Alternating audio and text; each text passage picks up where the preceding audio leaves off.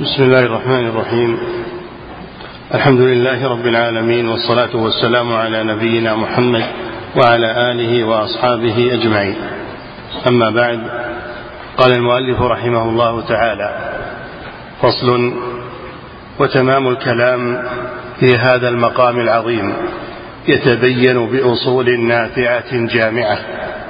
الأول أن ما يصيب أن ما يصيب المؤمنين من الشرور والمحن والأذى دون ما يصيب الكفار والواقع شاهد بذلك.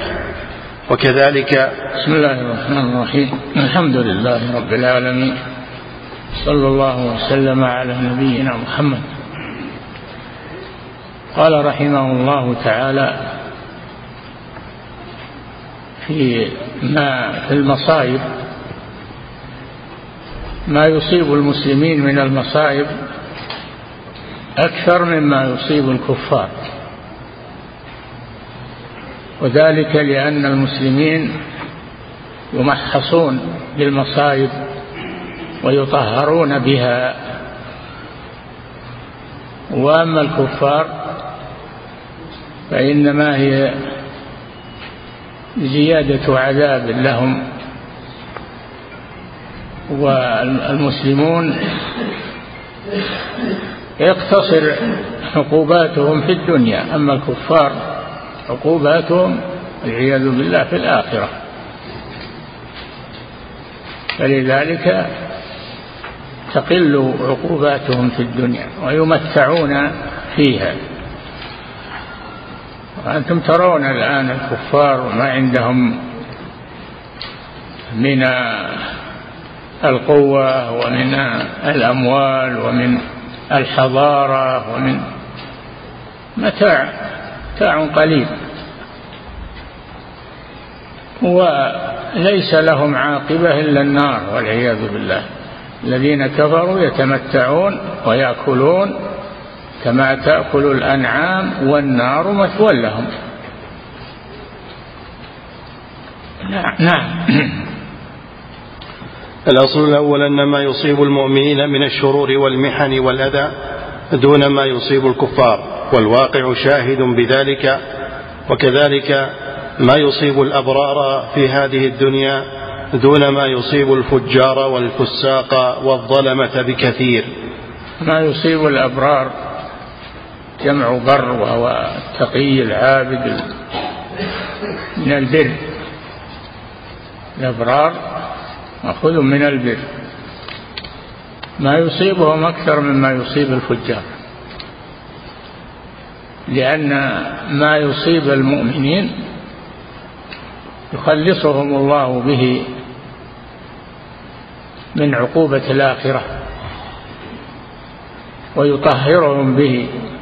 وليمحص الله الذين آمنوا ويمحق الكافرين. نعم. الأصل الثاني أن ما يصيب المؤمنين في الله تعالى مقرون بالرضا والاحتساب. فإن فاتهم الرضا فمعولهم على الصبر والاحتساب. نعم المسلمون مصائبهم مقرونة بالرضا عن الله سبحانه وتعالى. يعلمون أن ما أصابهم فهو في صالحهم. يمحصهم الله به ويخلصهم من ذنوبهم. فهم تقر أعينهم بذلك ويصبرون على ما يصيبهم. لأن الله يسليهم بما أمامهم من النعيم ومن الجزاء الذي لا تتصوره العقول. خلاف الكافر ليس له مستقبل إلا النار. المسلم له مستقبل في الآخرة. يؤمله ويرجوه وتقر عينه به. وأما الكافر فليس له مستقبل إلا النار والعياذ بالله. نعم. أن ما يصيب المؤمنين في الله تعالى مقرون بالرضا والاحتساب فإن فاتهم الرضا فمعولهم على الصبر والاحتساب. نعم. وذلك يخفف عنهم ثقل البلاء ومؤونته. نعم الصبر يخفف عنهم ثقل الابتلاء وال... قال الله جل وعلا واستعينوا واستعينوا بالصبر والصلاة. يا أيها الذين آمنوا استعينوا بالصبر والصلاة. استعينوا بالصبر والصلاة.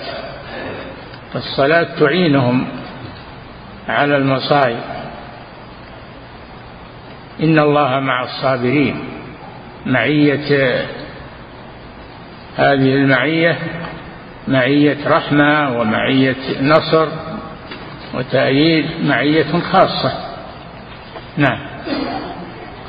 وذلك يخفف عنهم ثقل البلاء ومؤونته فإنهم كلما شاهدوا العوض هان عليهم تحمل المشاق والبلاء. نعم. والكفار لا رضا عندهم ولا احتساب وإن صبروا فكصبر البهائم. نعم ليس لهم في صبرهم أجر وليس في صبرهم له عاقبة. فهم كالبهائم. نعم. وقد نبه الله سبحانه وتعالى على ذلك بقوله ولا تهنوا في ابتغاء القوم إن تكونوا تألمون فإنهم يألمون كما تألمون وترجون من الله ما لا يرجون وكان الله عليما حكيما. ولا تهنوا أي لا تضعفوا في ابتغاء القوم الكفار. بقتالهم وما ينالكم في القتال من المشاق. كتب عليكم القتال وهو كره لكم. عسى أن تكرهوا شيئا وهو خير لكم. عسى أن تحبوا شيئا وهو شر لكم. والله يعلم وأنتم لا تعلمون. فالمسلمون يصبرون. أعطاهم الله الصبر الذي يغطي ما يصيبهم من الآلام. نعم. إن تكونوا تعلمون فإنهم يعلمون كما تعلمون. إن تكونوا أيها المؤمنون تعلمون أي تتوجعون فإن الكفار يعلمون كما تعلمون. وهم لا عاقبة لهم إلا النار. فهذا الألم الذي يصيبهم مقدمة لألم أكبر منه في الآخرة. فإنهم يعلمون كما تعلمون وترجون من الله ما لا يرجون. هذا الذي يسلي المؤمنين أنهم يرجون العاقبة الحميدة. وأما الكفار فليس لهم عاقبة إلا النار. ليس لهم عاقبة تسليهم وتصبرهم. نعم. وكان الله عليما حكيما. وكان الله ولا يزال سبحانه وتعالى عليما بكل شيء حكيما فيما يأمر به وما ينهى عنه وما يشرعه. حكمه والحكمة وضع الشيء في موضعه. الله حكيم. له معنيان. من الحكمة وهي وضع الشيء في موضعه. هذا واحد. الثاني الثاني أن الله سبحانه وتعالى حكيم بمعنى متقن للأشياء. من ال من ال الإحكام والإتقان. حكيم من الإحكام والإتقان. نعم. فاشتركوا في الألم وامتاز المؤمنون برجاء الأجر والزلفى من الله تعالى. اشتركوا في الألم. تكونوا تعلمون فإنهم يعلمون كما تعلمون. اشتركوا في الألم. لكن امتاز المؤمنون بأنهم يرجون من الله. من المستقبل الطيب ما لا يرجون أي ما لا يرجوه الكفار لأنه ليس أمامهم إلا ما هو أشد وأنكى وهو العذاب المتواصل والعياذ بالله. نعم. الأصل الثالث أن المؤمن, أن المؤمن إذا أوذي في الله فإنه محمول عنه بحسب طاعته وإخلاصه. ووجود حقائق الأصل الثالث. الأصل الثالث أن المؤمن إذا أوذي في الله. أوذي نعم. إذا أوذي في الله فإنه محمول عنه بحسب طاعته وإخلاصه ووجود حقائق الإيمان في قلبه حتى يحمل عنه من الأذى ما لو كان شيء منه على غيره لعجز عن حمله. وهذا من دفع الله عن عبده المؤمن. نعم أنه المؤمن إذا أصابه شيء وآلمه شيء فإنه يتسلى ويتحمل لأنه يرجو من الله سبحانه وتعالى العاقبة الحميدة والنصر في الدنيا والعاقبة في الآخرة. نعم. وهذا من دفع الله عن عبده المؤمن فإنه يدفع عنه كثيرا من البلاء وإذا كان لا بد له من شيء منه دفع عنه ثقله ومؤونته ومشقته وتبعته. تبع نعم. الأصل الرابع. وتبعته. وإذا كان لا بد له من شيء منه دفع عنه ثقله ومؤونته ومشقته وتبعته. نعم. فالمؤمن إذا أصابه ما يؤلمه فهناك ما يحمل هذا الألم عنه من وعد الله جل وعلا بنصره وبوعد الله بجنته وبوعد الله جل وعلا بما عنده من الخير للمؤمنين فالمسلمون تقر أعينهم بذلك. ويصبرون على المصائب. يصبرون عليها لأنهم يترقبون الفرج من الله عز وجل. نعم. الأصل الرابع أن المحبة كلما تمكنت في القلب ورسخت فيه كان أذى المحب في رضا محبوبه. مستحلا غير مسخوط والمحبون يفتخرون عند أحبابهم بذلك. حتى قال قائلهم لئن ساءني أن نلتني بمساءة لقد سرني أني خطرت بذلك فما الظن بمحبة المحبوب الأعلى الذي ابتلاؤه لحبيبه رحمة منه له وإحسان إليه.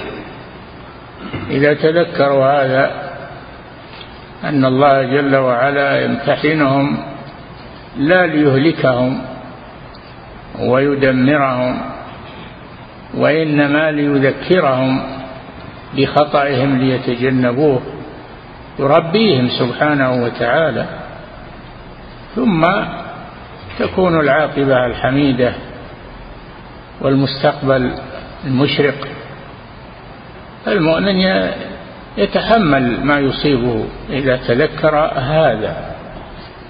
نعم.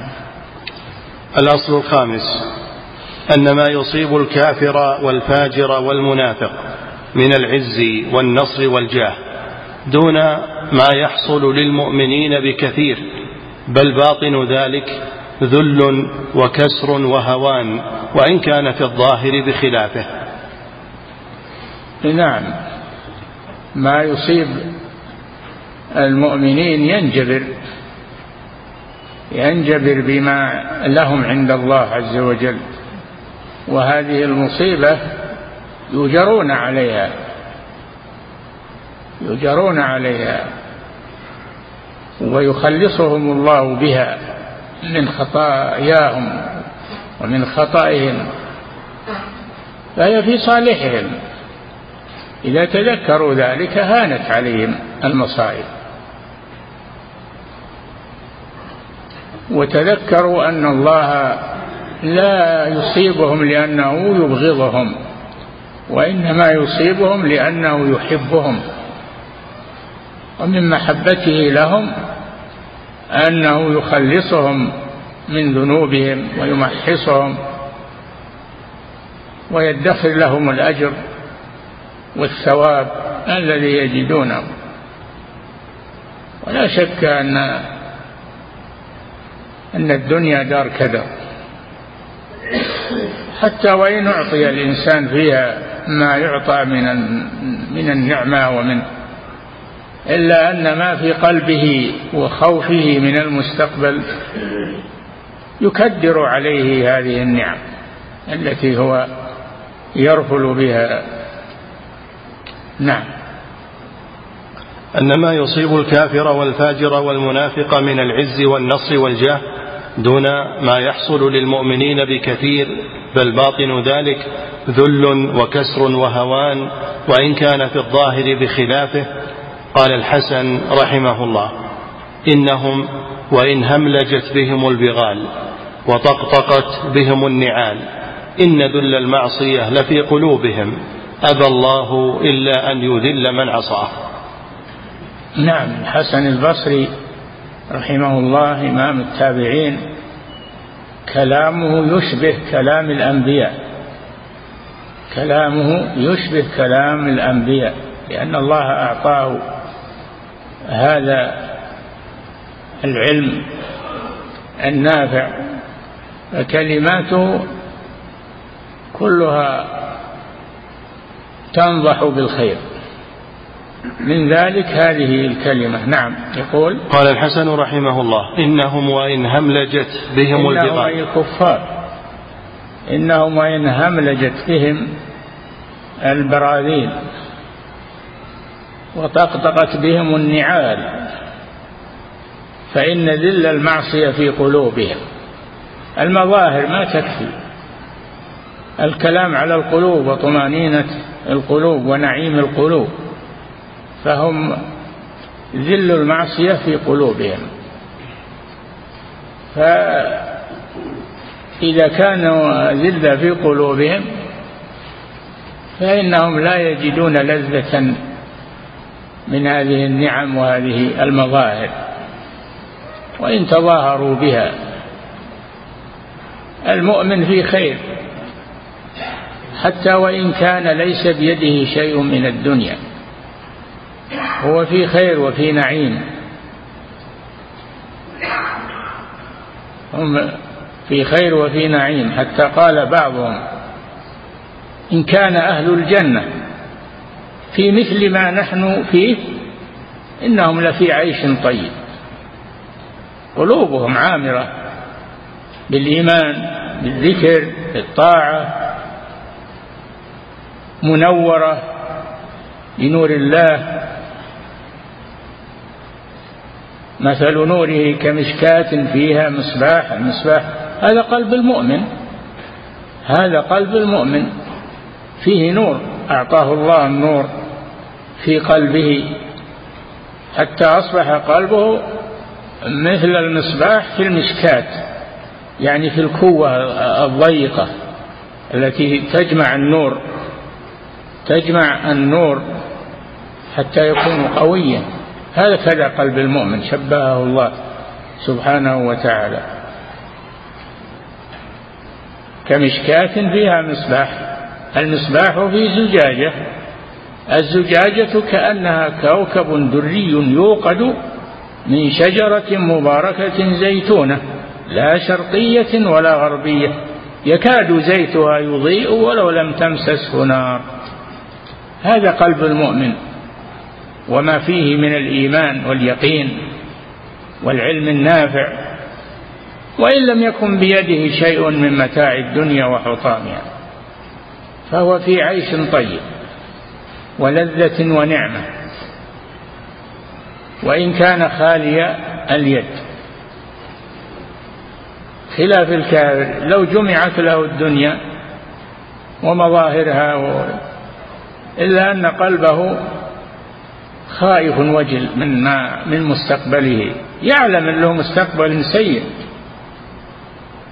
هو عاقل يعلم هذا. لا يتلذذ بالمظاهر. وإن أعطيها وإن هملجت بهم البراذين وطقطقت بهم النعال. ذل المعصية في قلوبهم يقول الحسن رحمه الله. نعم. إن ذل المعصية لفي قلوبهم أبى الله إلا أن يذل من عصاه. أي نعم. أبى الله سبحانه إلا أن يذل من عصاه. فهو ذليل. الكافر وإن كان عنده مظاهر وعنده قوة ظاهرة لكنه ذليل في قلبه. نعم. الأصل السادس أن ابتلاء المؤمن كالدواء له يستخرج منه الأدواء التي لو بقيت فيه أهلكته. من صالحه. هذا الأصل. أيضا أن ما أصاب الله به المؤمن هو دواء دواء له. ليمحص الله الذين آمنوا فهو دواء. وإن كان فيه مذاق يعني مر مثل الدواء الدواء يكون فيه مذاق مر لكن عاقبته طيبة. يعالج المرض ويقوي الجسم. فما يصيب المؤمن مثل الدواء. وما يصيب الكافر والعياذ بالله هلاك عاجل وذل عاجل. في فرق بين المسلمين وبين الكفار. لو تأملنا هذا. بعض الناس يغتر بما عند الكفار من القوة ومن الصناعات ومن آه، ومن المناظر الجميلة ومن الحضارة. لكن ما ينظر في العواقب. وش عاقبتهم؟ عاقبتهم سيئة. ما تنفعهم هذه الأشياء. العبرة بالعواقب. والمؤمن وإن ناله فقر وناله آه، حاجة وناله فهو راض بما عند الله مطمئن. وإن لم يكن في يده شيء الإيمان هو التجارة وهو وهو النور الإيمان الذي في قلبه. نعم.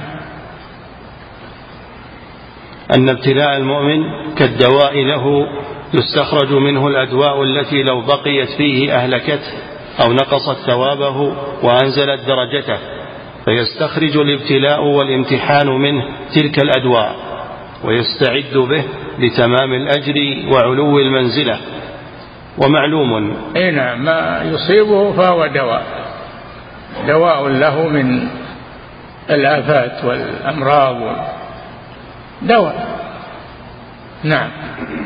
ومعلوم أن وجود هذا خير للمؤمن من عدمه كما قال النبي صلى الله عليه وسلم والذي نفسي بيده لا يقضي الله للمؤمن قضاء إلا كان خيرا له وليس ذلك إلا للمؤمن إن أصابته سراء شكر فكان خيرا له وإن أصابته ضراء صبر فكان خيرا له. فالمؤمن بين شاكر وصابر. شاكر على النعمة وصابر على البلية. صابر شاكر صابر. هذا المؤمن ولله الحمد. فهو في نعمة وفي خير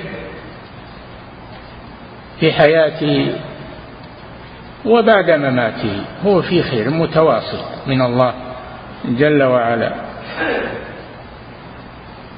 وإن لم يكن بيده شيء من الدنيا ومتاعها فإن الله قد يحجبها عنه لا لأنه يبغضه لكن يحجبها عنه لمصلحته لئلا يغتر بها أو تلهيه عن طاعة الله عز وجل أو يحصل عنده كبر أو نحو من ذلك. حكم عظيمة. فيما يصيب المؤمن في هذه الدنيا أنه خير له وإن كان ظاهره أنه مؤلم فهو خير له. عسى أن تكرهوا شيئا وهو خير لكم عسى أن تحبوا شيئا وهو شر لكم القتال كتب عليكم يعني فرض فرض عليكم القتال قتال الكفار وهو كره لكم لأن فيه سفك دماء وفي جراح وفي خوف ولقاء للعدو. لكن هو خير وهو خير لكم. يكف الله به عنكم أعداءكم يكتب الله لكم به الأجر يرفع لكم به الدرجات في الجنات. إن في الجنة مئة درجة. أعدها الله للمجاهدين. في سبيله ما بين كل درجتين كما بين السماء والأرض. للمجاهدين في سبيل الله. لا يستوي القاعدون من المؤمنين غير أولي الضرر والمجاهدون في سبيل الله.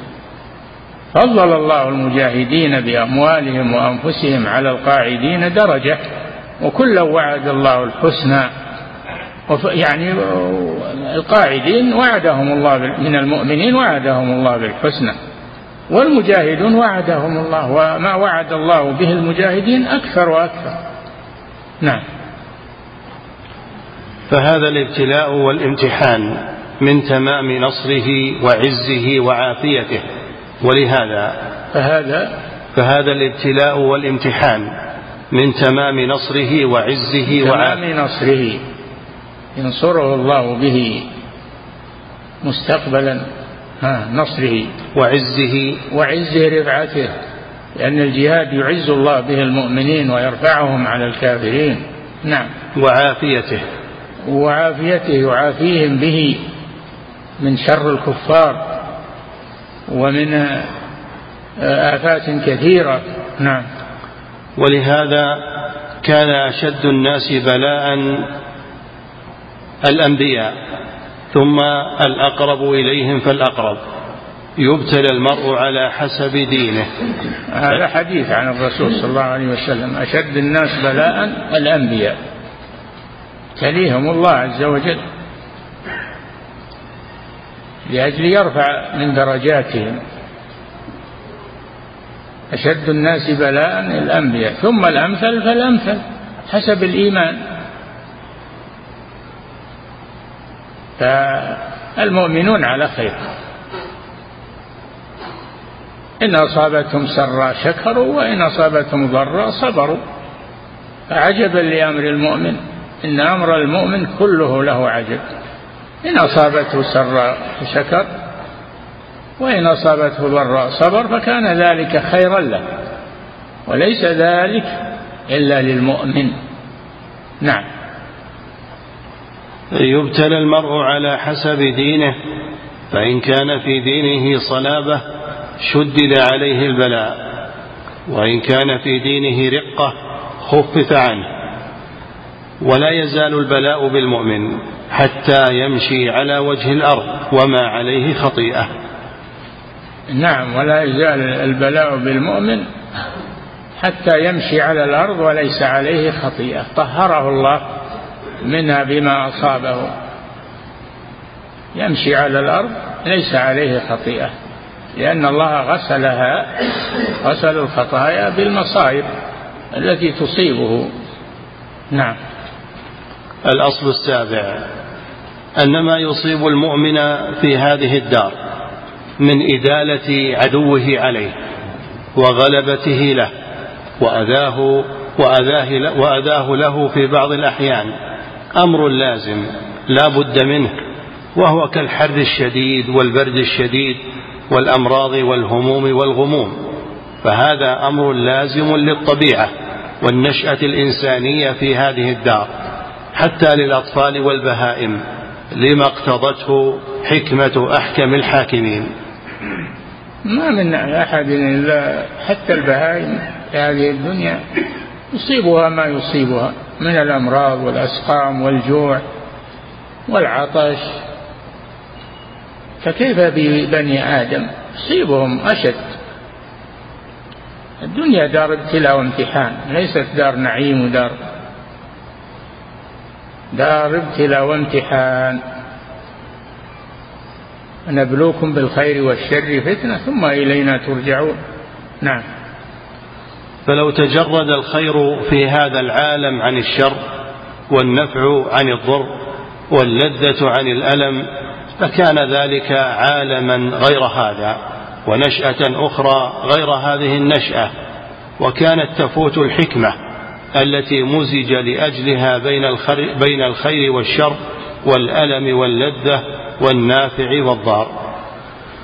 نعم لو نعم الناس كلهم في هذه الدنيا وأعطوا ما يريدون وكف عنهم ما يكرهون. ما تميز المؤمن من الكافر؟ الله يريد ليميز الله الخبيث من الطيب يجعل الخبيث بعضه على بعض فيحكمه جميعا فيجعله في نار جهنم. الله يجري هذه الابتلاءات والامتحانات على العباد ليتميز المؤمن الذي يصبر ويرضى عن الله من الكافر الذي يجزع ويسخط ويكره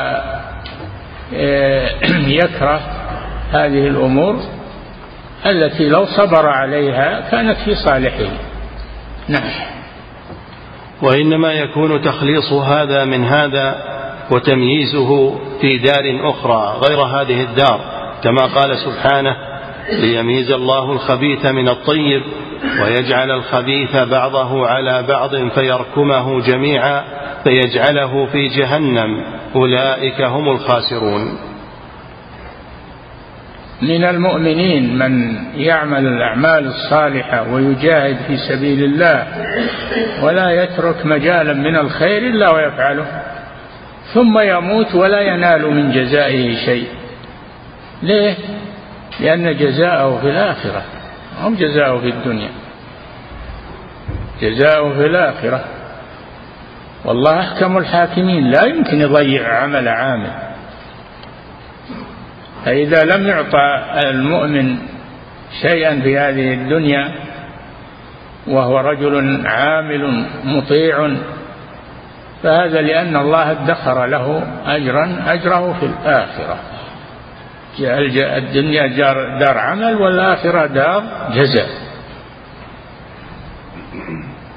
كثيرا ما يرى المؤمن يجاهد ويتصدق ويعمل ويعمل ولا ينال شيء من أجره لأن الله ادخره له في الدار الآخرة.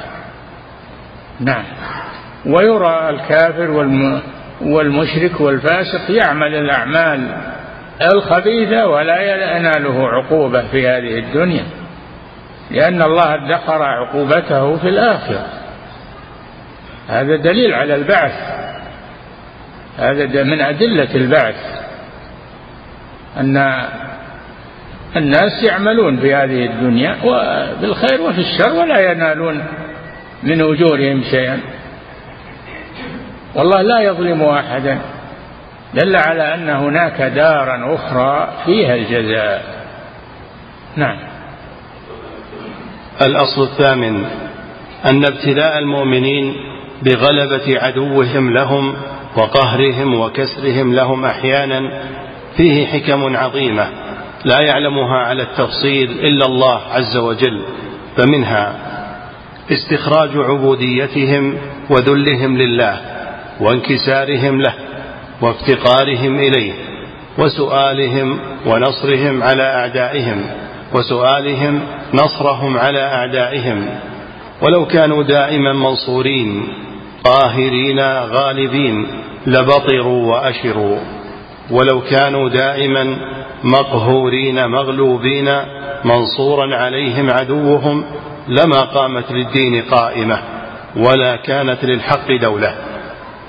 تلك الأيام نداولها بين الناس نداولها بين الناس مرة للمؤمنين ومرة للكفار. لكن المؤمن ما يجري عليه تطهير له وتمحيص وما يجري على الكافر فهو إملاء له ليزداد. لا يحسبن الذين كفروا أن ما نملي لهم خير لأنفسهم إنما نملي لهم ليزدادوا إثما ولهم عذاب مهين.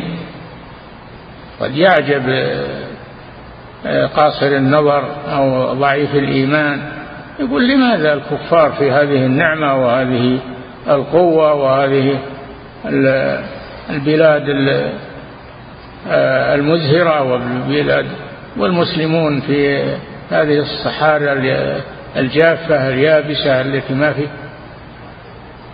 نقول هذا لحكمة من الله سبحانه وتعالى. لأن الله لو أعطى المؤمنين في هذه الدنيا جزاءهم لأشروا وبطروا. والله لا يظلم أحدا يعجل للكافر حسناته. شوف الله لا يظلم أحدا حتى الكافر. إذا أحسن الكافر الله يجزيه لكن يعجل جزاءه في الدنيا. أما المؤمن الله يدخر له جزاءه في الآخرة. وقد يعطيه في الدنيا ما يساعده ويعينه لكن الجزاء الأوفى هو في الآخرة. وإن الدار الآخرة لهي الحيوان. لو كانوا يعلمون الحيوان يعني الحياة الكاملة الحياة الكاملة في الآخرة. أما حياة الدنيا فهي حياة منتهية بالموت والفناء.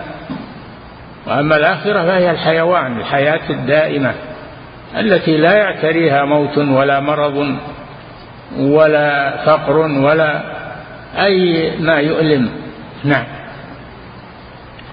فاقتضت حكمة أحكم الحاكمين أن صرفهم بين غلبتهم تارة وكونهم مغلوبين تارة فإذا غلبوا تضرعوا إلى ربهم وأنابوا إليه. المسلمون انتصروا في بدر. انتصروا في بدر. قتلوا من الكفار سبعين وأسروا منهم سبعين. في السنة التي بعدها وقعت أحد. قتل من المسلمين آه، أكثر من سبعين واستشهدوا وأسر منهم من أسر. ما فتلك الأيام نداولها بين الناس. يداول الله الأيام بين الناس ابتلاء وامتحانا. لو كان المسلمون دائما ينتصرون ما كفر أحد على وجه الأرض. ولو كانوا دائما معذبين ولا يحصلون على شيء ما آمن أحد. والله يداول هذا بين هذا وهذا. نعم. فاقتضت حكمة أحكم الحاكمين أن صرفهم بين غلب قال الله جل وعلا في وقعة أحد أولما أصابتكم مصيبة؟ قلتم أن هذا شو سببه قل هو من عند أنفسكم. إن الله على كل شيء قدير. وما أصابكم يوم التقى الجمعان فبإذن الله وليعلم المؤمنين وليعلم الذين نافقوا. الله له حكم سبحانه وتعالى فيما يجري من الخير والشر من النصر والهزيمة من الصحة والمرض من الفقر والغنى. نعم. فاقتضت حكمة أحكم الحاكمين أن صرفهم بين غلبتهم تارة وكونهم مغلوبين تارة فإذا غلبوا تضرعوا إلى ربهم وأنابوا إليه. وخضعوا له وانكسروا له وتابوا إليه.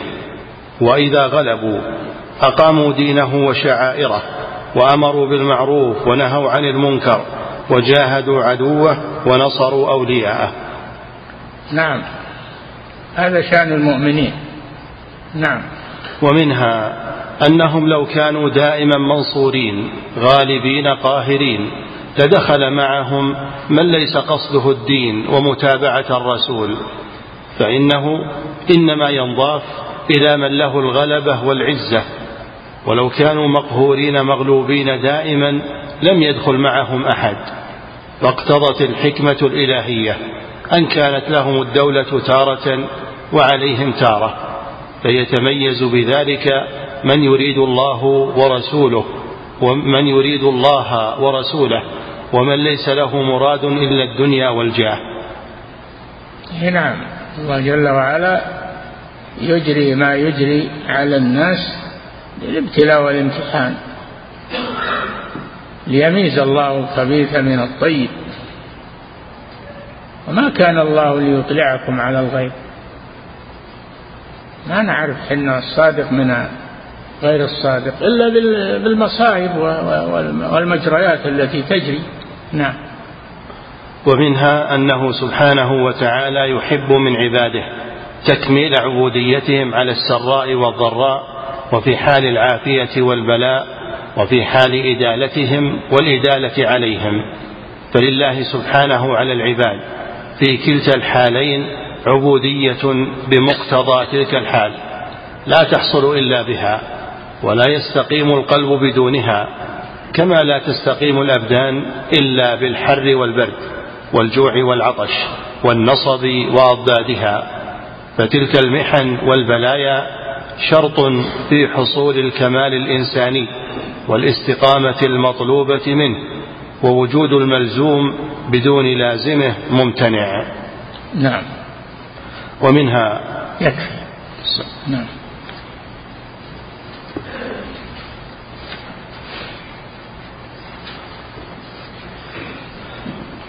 فضيلة الشيخ وفقكم الله ورد حديث عن رسول الله صلى الله عليه وسلم أنه قال أمتي أمة مرحومة ليس عليها عذاب في الآخرة عذابها في الدنيا الفتن والزلازل والقتل. هل يدل هذا الحديث على أن جميع الأمة لا تعذب حتى العصاة منهم؟ قد يعذب العصاة بقدر ذنوبهم لكنهم لا يخلدون في النار. العصاة من المؤمنين. قد يعفو الله عنهم وقد يعذبهم بقدر ذنوبهم ثم يخرجهم من النار ويدخلهم في الجنة حتى إنه ورد أنهم يخرجون من النار كالفحم يتفحمون من النار فيلقون في نهر يسمى نهر الحياة فتنبت أجسامهم وتعود لهم قواهم ثم يدخلون الجنة بعد ذلك. نعم فالمؤمن يصاب أيضا يصاب بذنوبه لكنه لا يستأصل مثل ما يستأصل الكافر. نعم. فضيلة الشيخ وفقكم الله هذا سائل يقول في قول الله سبحانه أحسب الناس أن يقولوا آمنا وهم لا يفتنون. ما نوع الفتن التي قد تصيب المؤمن في هذا الأمر؟ كثيرة.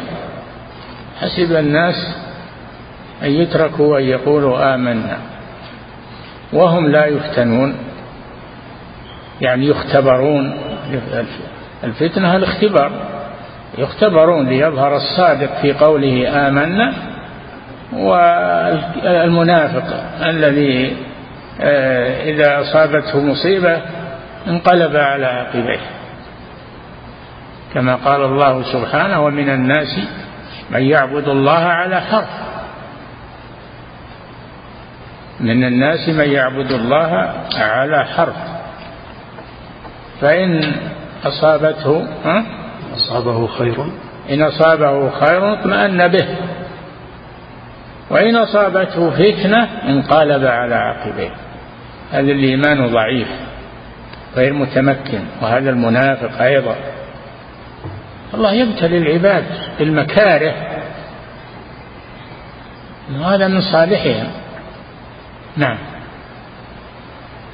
فضيلة الشيخ وفقكم الله هذا سائل يقول إذا لم يصب المؤمن بمصائب في الدنيا فهل يجب أن يقلق من هذا الأمر؟ يسأل الله العافية. لا يسأل الله العافية. لكن ما ما هو صحيح. ما هنا مؤمن ما يجري عليه ما يجري في هذه الدنيا. ما ما هنا مؤمن. نعم. فضيلة الشيخ وفقكم الله هذا سائل يقول كيف يستطيع المسلم أن يفرق بين البلاء وبين العذاب والعقاب. يفرق بحالة العبد إن كان مؤمنا فهذا ابتلاء وامتحان إن كان كافر فهذا عقوبة. نعم.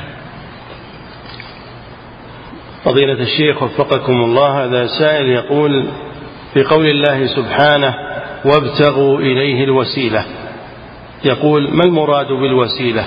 القرب. الوسيلة القرب. ابتغوا إليه الوسيلة بطاعته سبحانه وتعالى. فالطاعة وسيلة. الطاعة وسيلة لأنها تقرب من الله سبحانه وتعالى. وليس المراد بالوسيلة ما يقوله الخرافيون. إنك تتخذ بينك وبين الله واسطة. تقربك إلى الله وتشفع لك عند الله. هذا كذب. افتراء جهل. نعم. فضيلة الشيخ وفقكم الله هذا سائل يقول يحاول أرباب الشهوات إخراج المرأة المسلمة من حشمتها وسترها بطرق وحيل متعددة. ما النصيحة لفتيات الإسلام حيال هذه الفتن والابتلاءات التي تحيط بها؟ وما هي أسباب ثباتهن على الحق التي تنصحونهن بها؟ عليهن الثبات على الدين وعلى العفة والحشمة والحياء ولا يغرهن كلام هؤلاء الأعداء الذين يريدون أن يوقعوهن في البلاء وفي الانحراف. لا تلتفت المسلمة إلى كلام الأعداء ولا تنخدع بمقولتهم إنهم ينتصرون للمرأة وإن المرأة مظلومة وإن المرأة مهانة. هذا كذب. المسلمة عزيزة ولله الحمد معززة مكرمة. بالإيمان والدين والحشمة. اي عزيزة. مكرمة عند الله وعند خلقه. نعم. فضيلة الشيخ وفقكم الله. هذا سائل يقول أعطاني رجل سبعين ألف ريال صدقة وقال إنها من مال حرام من الربا وعندي فقراء معوزين جدا فهل يجوز أن أدفع لهم هذا المال الذي أعطيت إياه؟ نعم نعم هذا مثل المال الضائع. هذا مثل المال الضائع يعطى للمصالح يعطى للفقراء والمساكين يعطى للمصالح المشاريع مال ضايع ليس له مالك لأن الربا ليس له مالك. نعم. فضيلة الشيخ وفقكم الله هذا سائل يقول امرأة توفي زوجها في الباحة ولها منزل في الباحة ومنزل آخر في مكة. تريد أن تنتقل إلى بيتها الآخر في مكة وتحد هناك. هل يجوز لها ذلك؟ ما هو بيتها هي؟ بيت الزوجية بيت الزوج. تحب في بيت الزوج وليس في بيتها. فتحب في البيت الذي بيت الزوج الذي توفي وهي فيه. حتى تكمل العدة. لقوله صلى الله عليه وسلم امكثي في البيت حتى يبلغ الكتاب أجله. يعني العدة عدة الوفاة. نعم. فضيلة الشيخ وفقكم الله في خروج النبي صلى الله عليه وسلم من الطائف قال في دعائه غير أن عافيتك أوسع لي. في هذا الحديث طلب صلى الله عليه وسلم العافية. هل معنى ذلك أنه يشرع أن تطلب العافية وأن يندفع البلاء؟ أي نعم. إذا وقع الإنسان في شدة وفي محنة نسأل الله العافية والفرج أن الله يفرج له. ولكن الحديث هذا ضعيف حديث دعاء الطائف هذا حديث ضعيف لا يحتج به. نعم. فضيلة الشيخ وفقكم الله هذا سائل يقول رجل ترك الصلوات والصيام سنوات كثيرة فهل يقضيها؟ رجل؟ رجل. ترك الصلوات وترك الصيام لسنوات كثيرة فهل يقضيها بعد أن تاب من تفريطه؟ تكفي التوبة يتوب إلى الله ويحافظ على الصلاة وعلى الصيام في المستقبل. ولا يقضي ما تركه. لأن ترك الصلاة كفر فهو حين ترك الصلاة متعمدا صار كافرا. فعليه أن يسلم من جديد وأن يحافظ على الصلاة ويتوب إلى الله. نعم. فضيلة الشيخ وفقكم الله. هذا سائل يقول ما تفعله بعض المحلات التجارية من وضع نقاط لمن يشتري منهم؟ تزيد بزيادة مشترياتهم. يقول هل هذه الأمور جائزة؟ لا. ليست جائزة. هذه لأجل جلب الزباين. جلب الزبائن هذه تشبه تلقي الركبان. فلا تجوز هذه الجوائز لأنها تجذب الناس إلى جهة تبذل هذه الجوائز ويتعطل الآخرون. الذين لا يجعلون جوائز. نعم. فضيلة الشيخ وفقكم الله هذا سائل يقول إذا إذا كان هناك جماعة في استراحة فهل يجوز لهم أن يقيموا صلاة الجماعة في هذه الاستراحة ولا يذهبوا إلى المسجد؟ علما بأن معهم كبار سن وأطفال. النبي صلى الله عليه وسلم يقول من سمع النداء فلم يأته فلا صلاة له إلا من عذر. قيل وما العذر؟ قال خوف أو مرض. فلا يسعهم وهم يسمعون الأذان قريبا منهم ويتركون الحضور يذهبون. والعاجز يصلي في مكانه. العاجز مريض وكبير السن. يصلي في مكانه. الحمد لله. نعم. فضيلة الشيخ وفقكم الله هذا سائل من فرنسا يقول في بعض المدارس عندنا في فرنسا هناك منهج قد عرف فيه القرآن الكريم. هذا سائل من فرنسا يقول في بعض المدارس الإسلامية عندنا هناك هناك منهج عرف فيه القرآن الكريم. فقيل عرب فيه القرآن. القرآن لا يمكن يعرف. هو عربي. ما يمكن يترجم يعني نص القرآن ما يمكن ترجمته. إنما يترجم معناه تفسيره. ترجمة معاني القرآن. أما ترجمة القرآن هذا ما يمكن. القرآن معجز. ما يمكن أن يؤتى بلفظ يوافق ألفاظ القرآن. نعم. ثم يقول حفظك الله ومما قالوه في هذا المنهج إن القرآن هو كلام الله المعجز المنزل على قلب نبينا محمد صلى الله عليه وسلم المتعبد بتلاوته. هل قولهم المنزل على قلب محمد صلى الله عليه نعم وسلم؟ ذكر هذا. على قلبك لتكون من المنذرين بلسان عربي مبين على قلب الرسول صلى الله عليه وسلم. حفظه الرسول حفظه ووعاه ثم بلغه لأمته. نعم. فضيلة الشيخ وفقكم الله هذا السائل يقول أشتغل في مكتبة وأحيانا يأتي إلي بعض الطلاب لأجهز لهم بحوثا يقدمونها إلى معلميهم. فهل يحق لي هذا العمل؟ يجب أن تؤدب. يجب أنك تؤدب. لأن هذا غش وتدريب للطلاب على الغش. فأنت غاش وظالم. يجب أن تؤدب عن هذا العمل. نعم. فضيلة الشيخ وفقكم الله. هذا سائل يقول هناك ترجمة لمعاني القرآن باللغة الإنجليزية. ترجم معنى هذه الآية لقد كفر الذين قالوا إن الله هو المسيح قالوا معنى ذلك وترجمته لقد أخفى الحقيقة من قال إن الله هو المسيح هل هذا المعنى وهذه الترجمة صحيحة؟ كلام باطل. لا ما هم بالإنجليز اللي يترجمون القرآن. ترجمها المسلمون أهل الإيمان.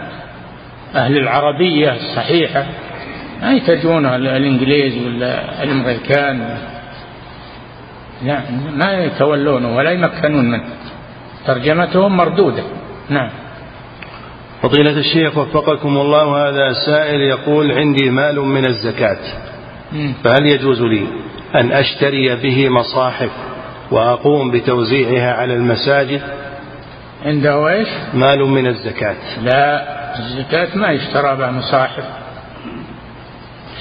توزع على الفقراء. إنما الصدقات للفقراء والمساكين. ثمانية أصناف. لا يشترى بها مصاحف ولا يشترى بها بيوت ولا يشترى بها بل تسلم للفقراء والمساكين. الثمانية التي نص الله عليها. ولا يبنى بها مدارس ولا يقام فيها مشاريع. لا. نعم. فضيلة الشيخ وفقكم الله هذا سائل يقول هل يجب أخذ اللقطة إذا خيف عليها؟ هل يجب التقاطها؟ ما هو بخيف عليها إذا أنك أنت أمين عليها إذا أنك تأمن نفسك عليها وتقوم بواجبها حتى تجد صاحبها فخذها وإلا اتركها خذها غيرك. نعم. فضيلة الشيخ وفقكم الله. هذا السائل يقول إذا كانت المرأة حاملا فهل يشرع عند إرادة الجماع أن يدعو بها الدعاء الوارد اللهم جنبنا الشيطان وجنب الشيطان ما رزقتنا أم أن هذا خاص بما قبل الحمل؟ ما هو خاص هذا عام. نعم.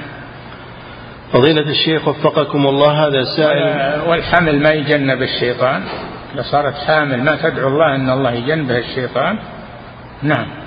فضيلة الشيخ وفقكم الله هذا سائل من خارج هذه البلاد يقول هل يجوز لي أن أفتتح مطعما علما بأن هذا المطعم سيأتي إليه نساء متبرجات وسيكون فيه اختلاط في الأكل بين الرجال والنساء؟ لا تسمح لهن. لا تسمح لهن يدخلن بالمطعم. امنعهن. حط إعلان. يمنعهن. نعم. فضيلة الشيخ وفقكم الله هذا سائل يقول عند ورود اسم النبي صلى الله عليه وسلم في الكتابة هل يصلى عليه حينئذ؟ إي نعم عند ذكره. من مواضع الصلاة عليه عليه الصلاة والسلام عند ذكره في كتاب أو في كلام. نعم. فضيلة الشيخ وفقكم الله هذا سائل يقول رجل اشترى بيتا بقرض ربوي فهل يجوز أن أستأجر منه هذا البيت؟ البيوت كثيرة دور غيره. نعم. فضيلة الشيخ وفقكم الله هذا سائل يقول ما حكم شراء الذهب من بائعه ثم إبقائه عنده ولا يأخذه؟ إذا قبضه ثم رده وديعة عنده فلا بأس لازم يقبضه ثم يودع إياه. نعم. فضيلة الشيخ وفقكم الله هذا سائل يقول هل يجب على البائع أن يوحد السعر لعامة الناس أم أنه يجوز أن يبيع بسعر لفلان وبسعر آخر لفلان الآخر؟ ما يجوز هذا لأنه يجعل السعر واحد للجميع سعر واحد للجميع لا يجعل لبعضهم سعر وبعض الآخر له سعر. نعم. فضيلة الشيخ وفقكم الله هذا سائل يقول من يعلق التمائم وقد نوصح في هذا الأمر لكنه يأبى لجهله أو لاستكباره هل يهجر هذا الشخص أم كيف نتعامل معه؟ تمائم مش فيها المكتوب فيها هو إنسان القرآن هذا بخلاف تعليقها أو عدم تعليقها بخلاف أما إذا كان المكتوب فيها كلام باطل أو كلام كفر أو كلام أو كلام لا يفهم معناه فلا يجوز استعمالها ولا تعليقها. نعم. فضيلة الشيخ وفقكم الله هذا سائل يقول ما حكم الدعاء للكفار وللمشركين بالمغفرة بعد موتهم؟ ما كان للنبي والذين آمنوا يستغفروا للمشركين. ولو كانوا لي قربى من بعد ما تبين لهم أنهم أصحاب الجحيم. ما يجوز الاستغفار للكافر. الميت ما يستغفر له. الميت لا يستغفر له من الكفار. أما الحي فيطلب له الهداية تدعو له بالهداية ولا تستغفر له. نعم. فضيلة الشيخ وفقكم الله ما يذكره بعض الفقهاء. من أن عورة المرأة مع المرأة من السرة إلى الركبة. هل هو قول راجح؟ لا. ما هو راجح. الله جل وعلا ذكر النساء مع النساء مع آه، في سياق واحد. ولا يبدين زينتهن إلا ما ظهر منها ولا يضربن بخمرهن على جيوبهن إلى قوله أو نسائهن. الجميع حكمهم واحد النساء والرجال. نعم. فضيلة الشيخ وفقكم الله هذا سائل يقول يريد أن يفتتح مطعما ويريد أن يسميه باسم مطعم سدرة المنتهى. أعوذ بالله. فهل هذا الاسم ما يجوز هذا. سدرة المنتهى؟ سميه بس من غير غير هالاسم نعم. فضيلة الشيخ وفقكم الله هذا سائل يقول هل تجوز الصلاة على سجادة فيها صورة للكعبة؟ تكره يكره أنه يصلي على أو أمامه شيء فيه رسوم أو فيه لأنها تشغله عن عن الصلاة. صلي على سجادة سادة ما فيها رسوم ولا فيها كتابات ولا فيها. نعم لأنها تشغله عن الصلاة. نعم. فضيلة الشيخ وفقكم الله هذا سائل يقول من أراد العمرة فسافر إلى جدة أولا. هل له أن يحرم من جدة؟ وهل جدة ميقات؟ إيش يقول؟ يقول من أراد العمرة وسافر من الرياض. فهل له أن يحرم من جدة؟ وهل جدة تعد ميقاتا؟ إذا كان نوى العمرة من من الرياض فيحرم من ميقات الرياض وهو السيل الكبير. يحرم من ميقات أهل الرياض. إن كان ما نوى العمرة إلا في جدة يحرم من جدة. ومن كان دون ذلك فمهله من حيث أنشأ يعني حيث نوى. نعم.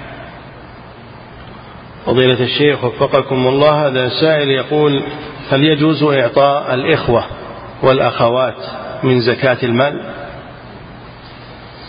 نعم لا بأس. إذا كانوا فقراء فهم أولى بها. الأقارب أولى بها. صدقة على القريب عن صدقتين. صدقة وصلة. نعم. فضيلة الشيخ وفقكم الله هذا سائل يقول بالنسبة لعقد النكاح هل يجوز أن يعقد عن طريق الهاتف فلا يكون الولي حاضرا في المجلس؟ لا. لازم من حضور شهود يشهدون على الولي يشهدون على آه، على ما يجري من الشروط. لازم من حضور. نعم. فضيلة الشيخ وفقكم الله هذا سائل يقول رجل توفاه الله وقد توفي منتحرا هل يجوز أن يعتمر وأن يحج عنه؟ كيف؟ يقول, يقول رجل توفاه الله وقد توفي منتحرا. هل يجوز أن يعتمر وأن يحج عنه؟ ما كونه انتحر ما يجعله كافرا. قتل نفسه هذا قاتل لنفسه وهذا لا يقتضي أنه يكفر بذلك.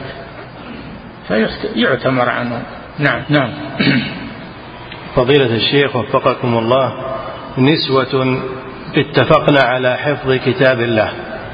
فوضعنا قدرا من المال من حفظت أكثر في وقت معلوم فإنها تأخذ هذا المال. جعلوه كالتشجيع للمنافسة على الحفظ. هل هذا العمل مشروع؟ لا بأس بذلك. هذا من الحث على حفظ كتاب الله. نعم. فضيلة الشيخ وفقكم الله هذه امرأة تسأل فتقول هل يجوز لها أن تعطي زكاة مالها لزوجها؟ هذا محل خلاف بين العلماء لأنه قد ينفق ينفقها عليها قد ينفق هذه الزكاة عليها ويردها عليها. تعطيها زوجها من غير الزكاة إذا أرادت تعطيه من غير الزكاة. نعم. فضيلة الشيخ وفقكم الله هذا سائل يقول إذا أخطأ الإمام في القراءة في قراءة القرآن هل يجب الفتح عليه والرد عليه؟ اي نعم. الرسول صلى الله عليه وسلم ردوا عليه فتحوا عليه. وقال لأبي بن كعب أين أنت؟ لما حصل منه عليه الصلاة والسلام انطلاق في القراءة ألم يردوا عليه؟ قال لأبي أين أنت؟ نعم. فضيلة الشيخ وفقكم الله هذا سائل يقول بعض الناس عندما يصيبه شيء. أو يخيفه شيء فإنه يدعو فيقول يا أنبياء يا صالحين. ما حكم ذلك؟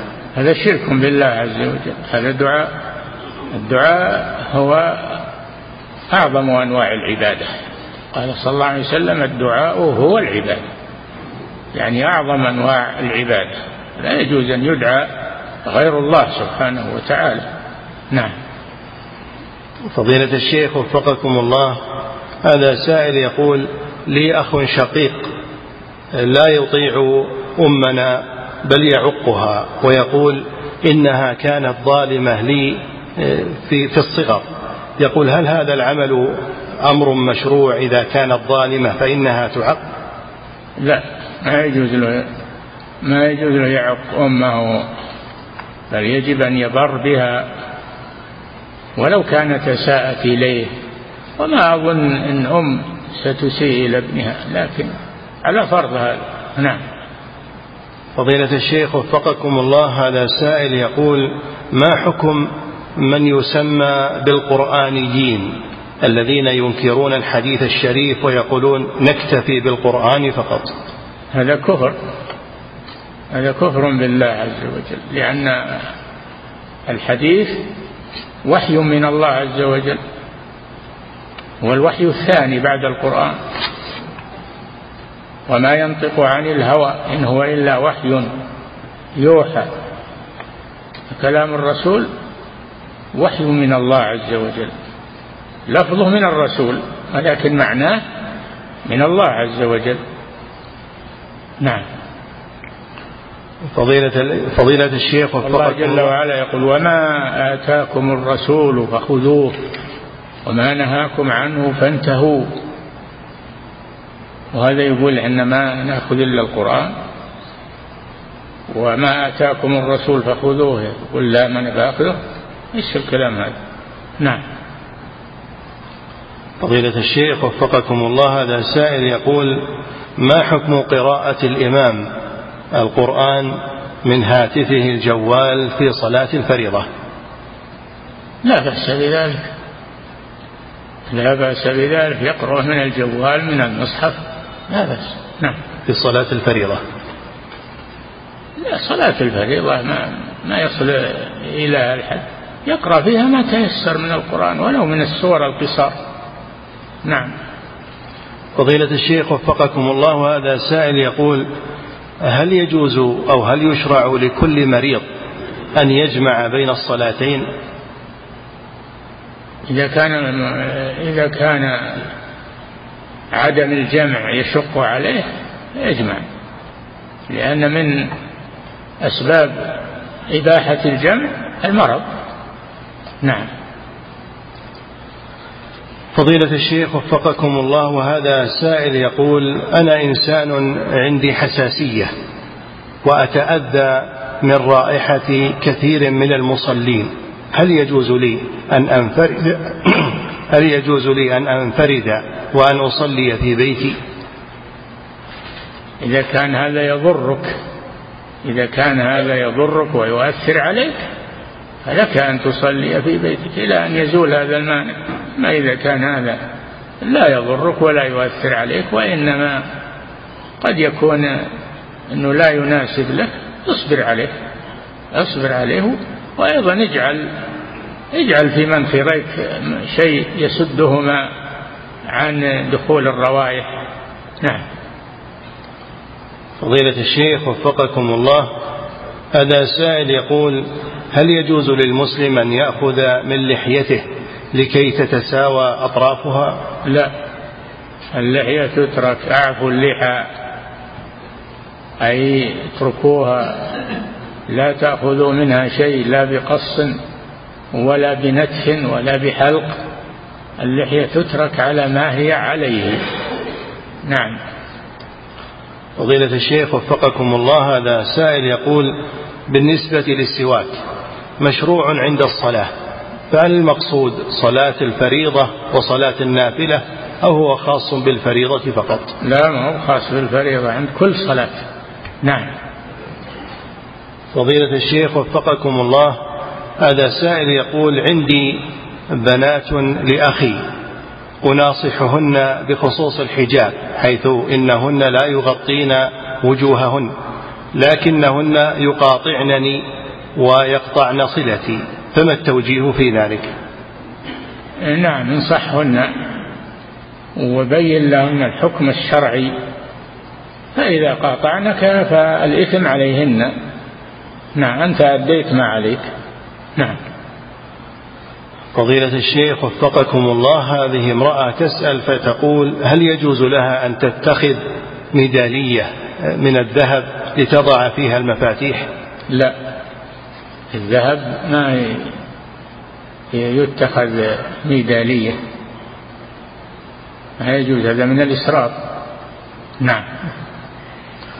فضيلة الشيخ وفقكم الله يقول السائل إذا جزمت بأن هناك نجاسة لكنني لا أعرف موضعها بالضبط فكيف أطهرها؟ طهر الموضع كله. إذا شككت في النجاسة من الثوب يغسل الثوب كله. إذا جهلت موضعها من الثوب يغسل الثوب كله. إذا جهلتها في البقعة تغسل البقعة كلها. نعم. فضيلة الشيخ وفقكم الله. هذا سائل يقول ما حكم البول قائما أكرمكم الله؟ هل هو أمر مشروع؟ عند الحاجة مباح. إذا كان في إذا كان في في حاجة إلى البول قائما الرسول صلى الله عليه وسلم بال قائما. لما احتاج إلى هذا إذا كان إذا جلس يتلوث فيتحفظ ويبول قائما لا بأس بذلك. نعم. فضيلة الشيخ وفقكم الله هذا سائل يقول هل يجوز للزوج أن يمنع زوجته من زيارة أبويها؟ لا يجوز له ذلك إلا إذا كان أبواها يؤثران عليها يؤثران عليها و... ويحدثان عندها عند يحدثان عندها كراهية لزوجها فله أن يمنعها. نعم. فضيلة الشيخ وفقكم الله هذا سائل يقول رجل مات وهو عاص لله عز وجل. كيف أستطيع يقول أنا أن أكفر عن هذه المعصية التي فعلها صاحبي؟ ما هي المعصية إذا كان عليه دين أو عليه حق لأحد؟ أن تقضي عليه تقضي دينه. وهذا ينفعه بإذن الله ويبرئ ذمته. نعم. فضيلة الشيخ وفقكم الله هذا سائل يقول هل صحيح أنه يشرع للمسلم أن يقرأ في كل يوم جزءا من القرآن حتى يختمه في شهر؟ أي نعم. هذا أقل شيء أنه يختمه في كل شهر مرة أقل شيء. نعم ولو ختمه في كل عشر أو في كل ثلاث كما كان السلف يكون هذا أطيب وأحسن. نعم. فضيلة الشيخ وفقكم الله السفر وشد الرحال لأجل التعزية بالميت هل هو أمر مشروع؟ لا غير مشروع ما حاجة إلى السفر. تعزيهم بالتلفون بالجوال. وأنت في مكانك ولا حاجة للسفر نعم. ثم يقول حفظك الله وهل يشرع أن يصنع أهل الميت للمعزين طعاما إذا أتوهم؟ لا. أهل الميت ما يصنعون طعام إلا لحاجتهم هم ولا يصنعون للزوار العكس الواجب أنه يصنع لهم طعام. يقدم لهم طعام. نعم. انتهى وفقك. الله تعالى أعلم وصلى الله وسلم على نبينا محمد وعلى آله وصحبه.